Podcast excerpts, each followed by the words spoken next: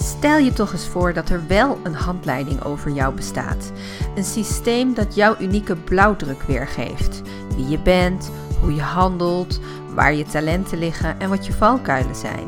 Een handleiding die jou meer inzichten geeft in jezelf. Ik heb het over Human Design. Mijn naam is Frauke van Overveld en ik ben een Manifesting Generator met emotionele autoriteit en een 3-5 profiel. Is dit nou abracadabra voor je? Verdiep je dan eerst zelf meer in de basis van Human Design. Door bij mij jouw persoonlijke Human Design e-book aan te vragen via www.spicypepper.nl. In deze podcast deel ik mijn inzichten, lessen en ervaringen van mijn eigen persoonlijke Human Design experiment. Veel luisterplezier! Super leuk dat je weer incheckt bij een nieuwe aflevering van mijn podcast over Human Design. En in deze aflevering wil ik het met je hebben over mijn persoonlijke ervaring met mijn strategie. Nou, ik ben een manifesting generator en mijn strategie is wachten, reageren en informeren. En in het Engels bij je bodygraph zie je dat ook wel eens staan als um, to respond. Waar het eigenlijk om gaat, is dat het voor mij belangrijk is om te reageren op het leven. Dus niet zelf allerlei initiatieven nemen, zelf dingen bedenken met mijn mind en die uitvoeren. Maar kijken wat er om me heen gebeurt, kijken wat, er wat, wat mensen tegen mij zeggen uh, en, en ervaren hoe, ik daar, hoe mijn sacraal daar eigenlijk op reageert. Hè. Dat is de allereerste actie. Um, hè, krijg ik daar kriebels van in mijn buik? Ga ik daarvan kwispelen? Of denk ik, nee. Of een, oh no, no way. Dus, um, en, en de, uh, dat wachten en reageren, dat is, dat is de strategie voor zowel de generator als de manifesting generator. Manifesting generators, die, die komen sneller in actie. En als manifesting generators in actie komen, dan is dat vaak niet lineair. Dan gaat dat van A naar C naar B. Hm? Misschien uh, ben je een manifesting generator die dit hoort en uh, herken je het ook wel van jezelf. Dat, je, dat je regelmatig van die inzichten hebt dat je dacht, oh zie je nou wel, ik heb een stap overgeslagen. Oh zie je nou wel, ik had dat eerst moeten doen. Um, nou ja, ik herken dat heel erg bij mezelf in ieder geval. En omdat manifesting generators sneller in actie komen, dat is echt het verschil hè, tussen een manifesting generator en een generator. Dat manifesting generators sneller in actie komen, is het dus ook belangrijk dat dat stukje informeren erbij komt in die strategie. Hè, dus die strategie is wachten, reageren en informeren kan namelijk zo zijn dat je zo snel gaat of dat je zo door de war gaat dat je omgeving je niet meer volgt.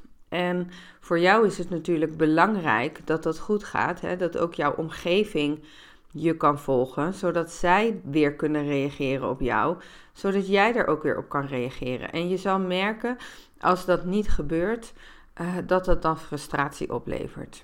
En ik kan je een voorbeeld geven uit mijn eigen persoonlijke ervaring. Toen ik, nou ja, zo'n twee jaar geleden voor het eerst hoorde dus hè, dat ik een manifesting generator ben. En um, ja, dat ik, een snel, dat ik snel in actie kom en dat dat proces niet lineair is. Toen moest ik onmiddellijk denken aan uh, alle momenten dat ik samen met mijn man aan het klussen was. En ik zie dingen heel erg snel. Ik, nou goed, ik heb ook het 64-47 kanaal, het abstract denkvermogen kanaal. Ik, ik zie heel snel verbanden. Ik zie heel snel ja, hoe dingen effectief kunnen. Dus als wij aan het klussen zijn en er moeten dingen worden opgemeten, dan heb ik eigenlijk bijna driedimensionaal al het hele plaatje. En mijn man is daar dan nog niet in zijn hoofd. Ja, dat, dan, dan ben ik dus een paar stappen voor. En dan, dan zeg ik dus: nee, ga vast de hamer maar halen. Of geef me maar even de schroevendraaier. Terwijl hij nog met de gebruiksaanwijzing in zijn hand staat. En nou ja, goed, dat geeft dan altijd wrijving, hè? want dat geeft hem weer een bepaald gevoel en dat geeft hem weer een bepaalde reactie, wat ook weer bij mij een reactie uitlokt. Um, dus toen ik dat hoorde, toen kon ik dat heel goed herkennen. Hè? Dat ik sneller in actie kom, dat ik niet lineair mijn stappen neem en dat het informeren dus heel belangrijk is. En sindsdien is klussen ook heel anders. Nou ja, sindsdien klussen we niet zoveel meer samen, maar kan ik ook veel vaker bewuster pas op de plaats nemen. De tijd nemen om rustig mijn gedachtensprongen duidelijk uit te leggen. Wat natuurlijk het klussen echt een stuk leuker maakt. Nou ja, omdat manifesting generators zo snel in actie komen, mag je ook als manifesting generator best al wel eens wat proeven van hetgeen dat je wil. Hè? Zodat dat, dat wachten, um, daar zit voor een manifesting generator ook wel een stukje actie in. Nou, door, door bijvoorbeeld, nou ja, goed, er wordt altijd synoniem gebruikt, hè, door, door niet het, in het water te duiken, maar je teen even in het water te dompelen. En te voelen wat dan je sacrale reactie weer is. Dit is voor manifesting generators heel belangrijk. Even vertaald hè, naar de praktijk. Als je dus geïnspireerd bent om op uh, vioolles te gaan of pianoles, of je bent geïnspireerd om een nieuwe sport uit te willen proberen, dat je best ook een proefles bijvoorbeeld mag doen. Hè? Of een proefabonnement ergens af kan sluiten, zodat je er alvast een beetje aan kan proeven. Want dan geef je ook je sacraal weer de kans om daarop te reageren. Misschien uh, lijkt het je leuk om een carrière switch te doen. Is het voor jou als manifesting generator heel waardevol om bijvoorbeeld een meeloopdag ergens te doen, hè? als een soort stagedag bijvoorbeeld. En het is dan belangrijk om bij elke stap steeds weer op de allereerste plaats natuurlijk je sacraal te checken. Hè? Want je sacraal staat natuurlijk centraal als manifesting generator. En daarna ook te reageren met je eigen autoriteit. Dat kan een sacrale autoriteit zijn, kan natuurlijk ook de emotionele autoriteit zijn.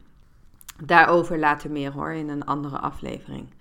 Wat bij manifesting generators ook vaak wordt aangeraden is om Ehm, nou ja, je wensen, je verlangens te visualiseren, zodat je ook kan kijken hè, hoe je sacraal daarop reageert.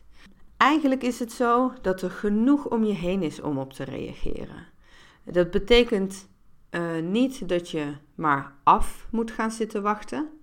Dat betekent natuurlijk wel dat je gewoon je leven moet leven. En de dingen moet doen die je doet. Naar je werk moet gaan, boodschappen moet doen. Ondertussen naar je autoriteit te luisteren als je gezellige afspraken maakt met vriendjes en vriendinnetjes. je moet wel op pad gaan natuurlijk om om je heen ook dingen te kunnen laten gebeuren. En ik hoor heel vaak van mensen om me heen, vooral van zelfstandig ondernemers, uh, die eenpitters zijn. De afgelopen jaren in de coronacrisis, dat mensen heel weinig in contact met elkaar gekomen zijn, heel weinig buiten zijn gekomen met andere mensen om je heen. Eh, dat het dus ook lastiger is om bewust te zijn van wat er allemaal is om op te reageren. Uh, dat alleen al is eigenlijk een oefening op zich, hè? want je reageert niet alleen maar op dat wat buiten je huis om gebeurt op jou. Kan natuurlijk ook zijn hè, dat je een bepaalde reclame ziet waar je heel erg op aangaat. Of dat je een artikel leest in de krant of in een magazine. Uh, waar, waar je, wat bij je wat blijft bekleven en dat je merkt dat dat iets met je doet. Hè, dat zijn natuurlijk ook dingen om je heen waarop je mag reageren. Je mag reageren op alle dingen in het leven. En je kunt daarbij als manifesting generator ook gebruik maken van de regel van drie. Hè, dat je mag erop vertrouwen dat als iets nou drie keer op je pad gekomen is, dat dat dan ook wel echt iets is wat je serieus mag nemen. Dit is natuurlijk heel praktisch, maar hoe werkt dat nou in de praktijk? Ik gaf je net al een voorbeeld hè, van, van dat klussen. Um, nou ja, dat was eigenlijk meer over waarom informeren zo belangrijk is en dat je als manifesting generator sneller in actie komt en dat dat proces niet lineair is. Het hele wachten en reageren en informeren vond ik in het begin echt een beproeving. Vooral hè, als zelfstandig ondernemer in mijn bedrijf zijn er gewoon heel veel conditioneringen. Als dat je geld wil verdienen, dat je goed wil doen, hè, of je genoeg volgers hebt, of mensen je wel weten te vinden.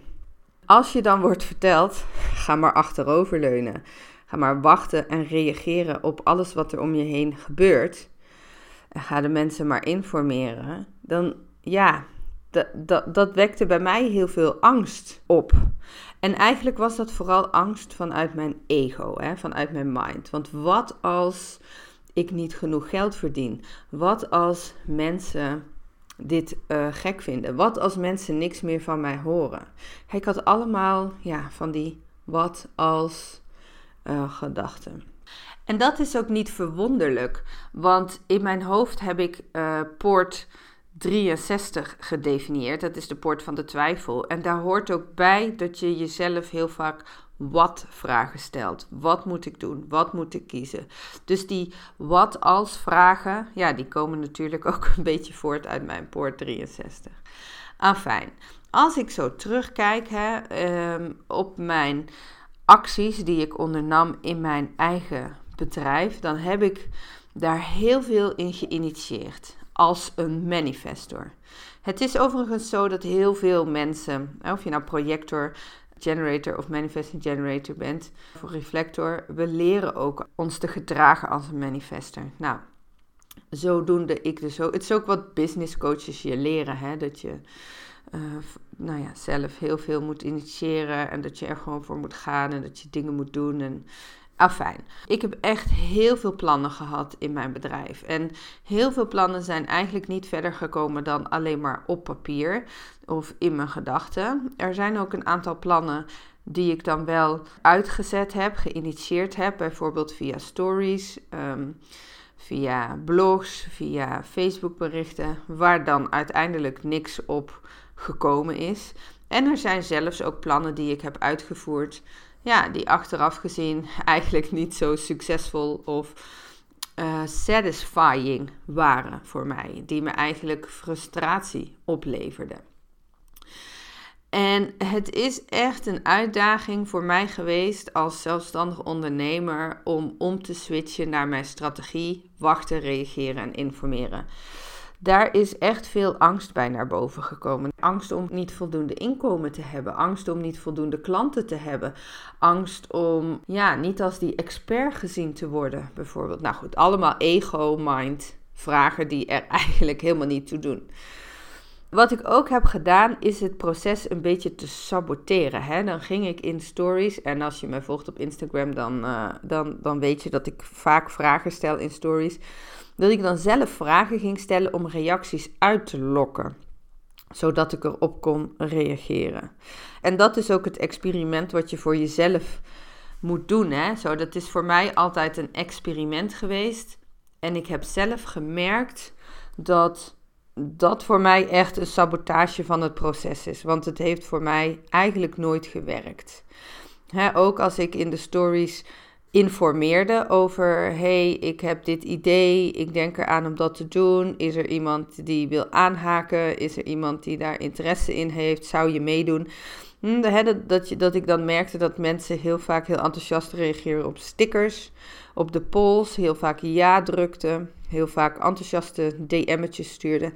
En als het dan eenmaal zover was, hè, dat dan ja, weinig mensen maar instapten dus dan merkte ik ja, dat ik eigenlijk een soort van het proces aan het saboteren was.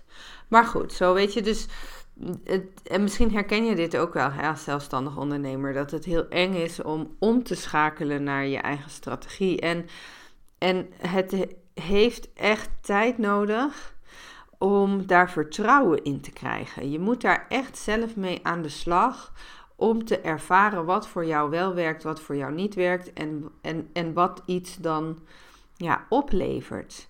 En als je een beginner bent met human design, hè, wat, dat zie ik ook enorm om me heen, dan, dan uh, willen we vaak alles weten. Dat is natuurlijk ook hè, vanuit de mind, vanuit de ego, soms ook vanuit de not self, hè, van, van een bepaald centrum, dat je niet voldoende weet. Uh, dat je meer kennis nodig hebt. Hè. Dat kan natuurlijk vanuit je profiellijnen zijn. Uh, die overtuigingen dat mensen echt, echt alles tot in details willen weten. Hè. Centra, poorten, kanalen, incarnation cross, profielen, het astrologische stukje, de planeten. Maar eigenlijk is dat, zeker als je een beginner bent, het eerste jaar van Human Design totaal niet relevant en interessant voor jou om te weten. Want het eerste jaar mag je echt alleen maar focussen op, op je strategie, wat bij je energietype hoort. Hè?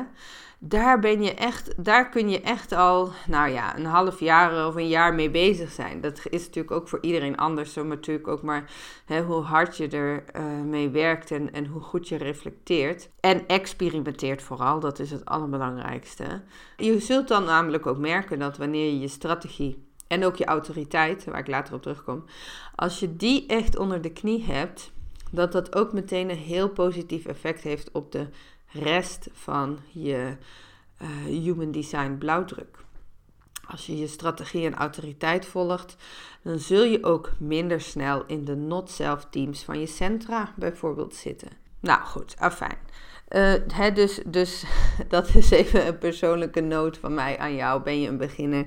Echt, blijf gewoon lekker bij je strategie en en ook bij je autoriteit. En, en ga daar eerst de komende maanden mee aan de slag. Want dat alleen al is al super spannend om mee te werken. Nou, ga ik nog één persoonlijke ervaring met je delen. Van de af, dat is een hele recente ervaring namelijk. Je hebt ook die ervaringen nodig hè, om vertrouwen erin te krijgen. Jij als manifesting generator bent een magneet, dus je trekt dingen aan in jouw leven waar je op mag reageren. Nou, ik merkte de laatste maanden dat er minder inkomsten waren in mijn bedrijf.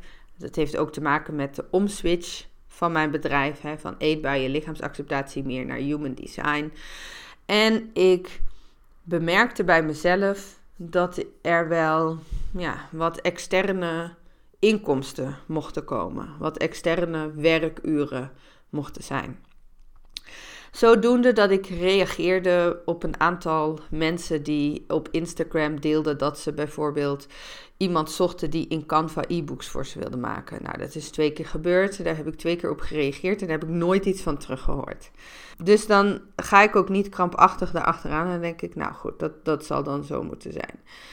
En uiteindelijk postte ik, ik had zelfs ook nog een, een, een, een e-mail gestuurd naar een nou ja, een fotografe die ehm, een soort van assistent zocht, die in het bedrijf vooral het regelwerk wilde doen. Nou, dat lijkt me super leuk. Uh, ook haar had ik een berichtje gestuurd, maar er waren zoveel reacties dat ik niet was uitgekozen om in gesprek te gaan. En eigenlijk, als ik zo terugkijk, heb ik vooral vanuit dus dat schaarste, vanuit dat tekortkomingsstukje daarop gereageerd. Ik heb gewoon gereageerd op het allereerste beste wat dan op mijn pad kwam. Hè? Zonder mijn emotionele autoriteit de ruimte te geven en die serieus te nemen.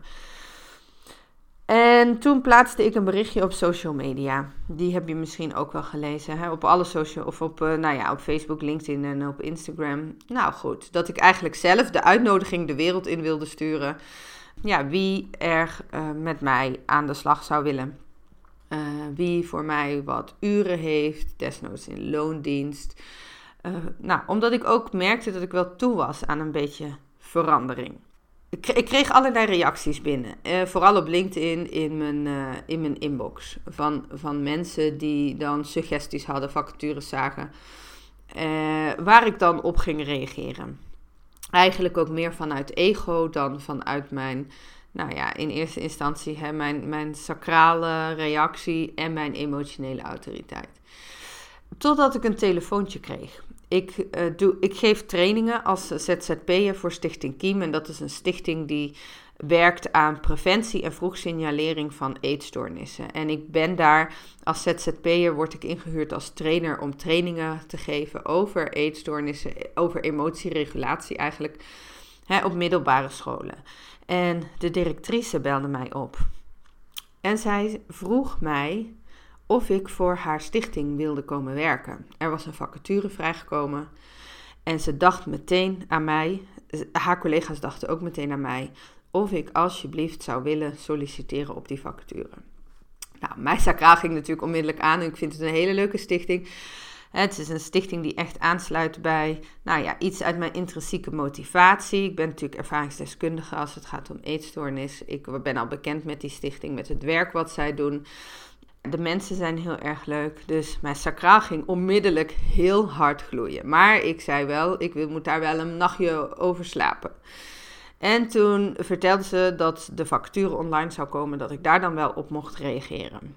Dus ik uh, elke dag de computer, de internet refreshen. Maar het duurde echt lang voordat die facturen online kwam.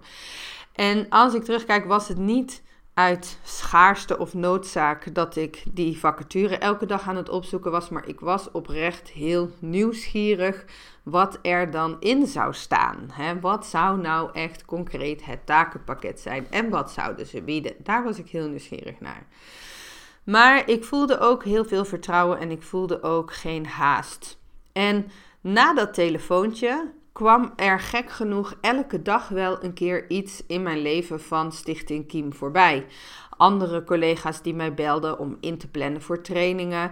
Er, kwam een poststuk, er kwam een e-mail nieuwsbrief. Zo, er was elke dag wel zo'n speldenprikje in mijn leven. Nou ja, van Stichting Kiem. Ik moest ook meteen denken hè, aan die regel van drie. Nou, dit was echt de regel van negen of zo. Een uh, aantal dagen later belde de directrice mij weer. Ze zegt: Vrouwke, we gaan het anders doen. Jij hoeft niet te solliciteren op de vacature als zijnde een brief te schrijven. Ik wil jou gewoon meteen uitnodigen over een paar dagen voor het sollicitatiegesprek. Nou, ik had natuurlijk inmiddels mijn emotionele autoriteit doorgevoeld en dat zat helemaal prima. Ik voelde nog steeds een heck yes. Dus ik zei natuurlijk, ik maak tijd en ruimte in mijn agenda voor jou. Ik heb er heel veel zin in. Het was heel erg leuk. Ik was niet zenuwachtig. Ik was vooral ja, vol van vertrouwen. Had natuurlijk ook te maken met dat zij op mij, uh, zij contact met mij hadden opgenomen en ik daar dus op mocht reageren. Nou, dat gesprek ging helemaal goed. Zodoende volgde er nog een tweede gesprek met twee andere collega's, wat ook een heel fijn gesprek was. Waardoor ik uiteindelijk in de dag later dus mijn arbeidsvoorwaardengesprek had. Waardoor ik dus ook heel zelfverzekerd en vol vertrouwen het arbeidsvoorwaardengesprek inging. En ik was me dus heel bewust van mijn strategie ik had natuurlijk wel voorbereid voor mezelf. dat, dat zeg ik ook altijd tegen mensen. Het is belangrijk om dingen te onderzoeken, om dingen te leren, om kennis op te doen. je moet je brein voeden met informatie, zodat je lichaam, zodat je sacraal of je intuïtie daarop kan reageren. die, die heeft ook die informatie nodig. Dus ik had goed voorbereid. Ik had mijn, mijn salariseis had ik uitgewerkt voor mezelf. Ik had nog een keer hè, mijn eigen pluspunten op een rijtje gezet. En ik kon dus vol vertrouwen mijn arbeidsvoorwaardengesprek in. Ik was me heel bewust van dat ik mocht wachten totdat zij een aanbod zou doen en dat ik daarop mocht reageren. Ehm, nou, in het gesprek vroeg zij natuurlijk meteen wat mijn gedachten erover waren. Dus ik heb het gesprek zo kunnen wenden dat zij gewoon die eerste, dat eerste bod neer ging leggen, waardoor ik kon reageren en kon informeren. En dat is helemaal goed gegaan en we hebben een hele fijne onderhandeling gehad. Waardoor ik ook over mijn arbeidsvoorwaarden echt super tevreden ben. En nou ja, dit is dus ook wel big nieuws dat ik nu vanaf 1 oktober voor 32 uur in de week aan de slag ga als programmamanager bij Stichting Kiem. En, en dat ik dat eigenlijk vooral, dat, dat proces met Stichting Kiem, heel bewust heb gedaan vanuit mijn strategie en vanuit mijn autoriteit. En als ik ook zo nadenk, al die andere dingen waar ik op solliciteerde, waar ik contacten mee heb gelegd, waar ik kopjes koffie mee had afgesproken. Uh, als ik die op de weegschaal zou leggen met, met nou ja, deze functie als programmamanager van Stichting Kiem, wat echt heel dicht bij mijn hart ligt en qua talenten en vaardigheden ook ja, super goed bij me ligt, dan springt Stichting Kiem gewoon elke keer er heel ver met kop en schouders bovenuit. Uh, ja, er is denk ik op dit moment niets lievers dat ik zou willen doen als dan, dan, dan daar te werken. En waar ik natuurlijk ook mee rekening heb gehouden, hè, is dat deze stichting voor mij met mijn 3-5 profiel ook echt super waardevol is. Het is een hele kleine, platte stichting en in mijn functie als programmamanager, hè, dan ga ik vooral voor het bewaken van de inhoud, van de kwaliteit en voor de doorontwikkeling van alle dingen die zij doen aan preventie en, en vroegsignalering voor eetstoornissen. Ik krijg dus ook echt de ruimte om het bedrijf verder mee te ontwikkelen, om de inhoud door te ontwikkelen, om nieuwe producten of programma's te ontwerpen. Nou ja, goed, je snapt dat het past helemaal ook ja, in mijn uh, human design profiel. En ik, ik weet ook nog, dat is misschien ook nog wel grappig om te zeggen. Toen ik mijn LinkedIn pagina ging updaten, voorafgaand hè, aan, aan dit hele proces, heb ik mijn uh, human design erbij gepakt. En heb ik eigenlijk zo, hè, zowel van mijn energietype als van mijn strategie en autoriteit, dus van mijn profiel, maar ook van de, de gedefinieerde en ongedefinieerde centra, heb ik de superpowers eruit gepakt. En daar heb ik zeg maar een soort van omschrijving over van mezelf gemaakt. Wat echt een hele leuke en authentieke omschrijving uh, is geworden. Uh, ja, dus daarin heeft Human Design me ook echt super goed geholpen. Lang verhaal kort. Ja, je strategie oefenen, experimenteren en ervaring opdoen. En, en ervaring opdoen om vertrouwen te krijgen dat dat de manier is dat die voor je werkt. Ik heb er in elk geval echt een super toffe job mee ja, gemanifesteerd, wou ik zeggen. Maar uh, ja, naar, aangetrokken. Uh, als een magneet aangetrokken. En natuurlijk blijf ik daarnaast nog lekker mijn business uh, voortdoen uh, met Human Design. En kun je nog steeds hè, schriftelijke Human Design readings bij me kopen. Die vind ik super leuk om voor je te maken. Je kunt ook een één op één Human Design reading bij me boeken. Want er is niets liever dan dat ik praat over Human Design. Dus dat vind ik super leuk. En daarin zul je, ja, zul je mij ook gewoon uh, lekker blijven horen. Delen in mijn ervaringen ook met deze podcast. En op mijn Instagram kanaal. Um, nou, dus tot zover. Ik uh, mogen het je wat duidelijkheid gegeven hebben. Mogen het je geïnspireerd hebben. En als je er vragen over hebt, mag je me natuurlijk op Instagram, Vrouwke van Overveld, altijd even een berichtje sturen. Nou, doei doei!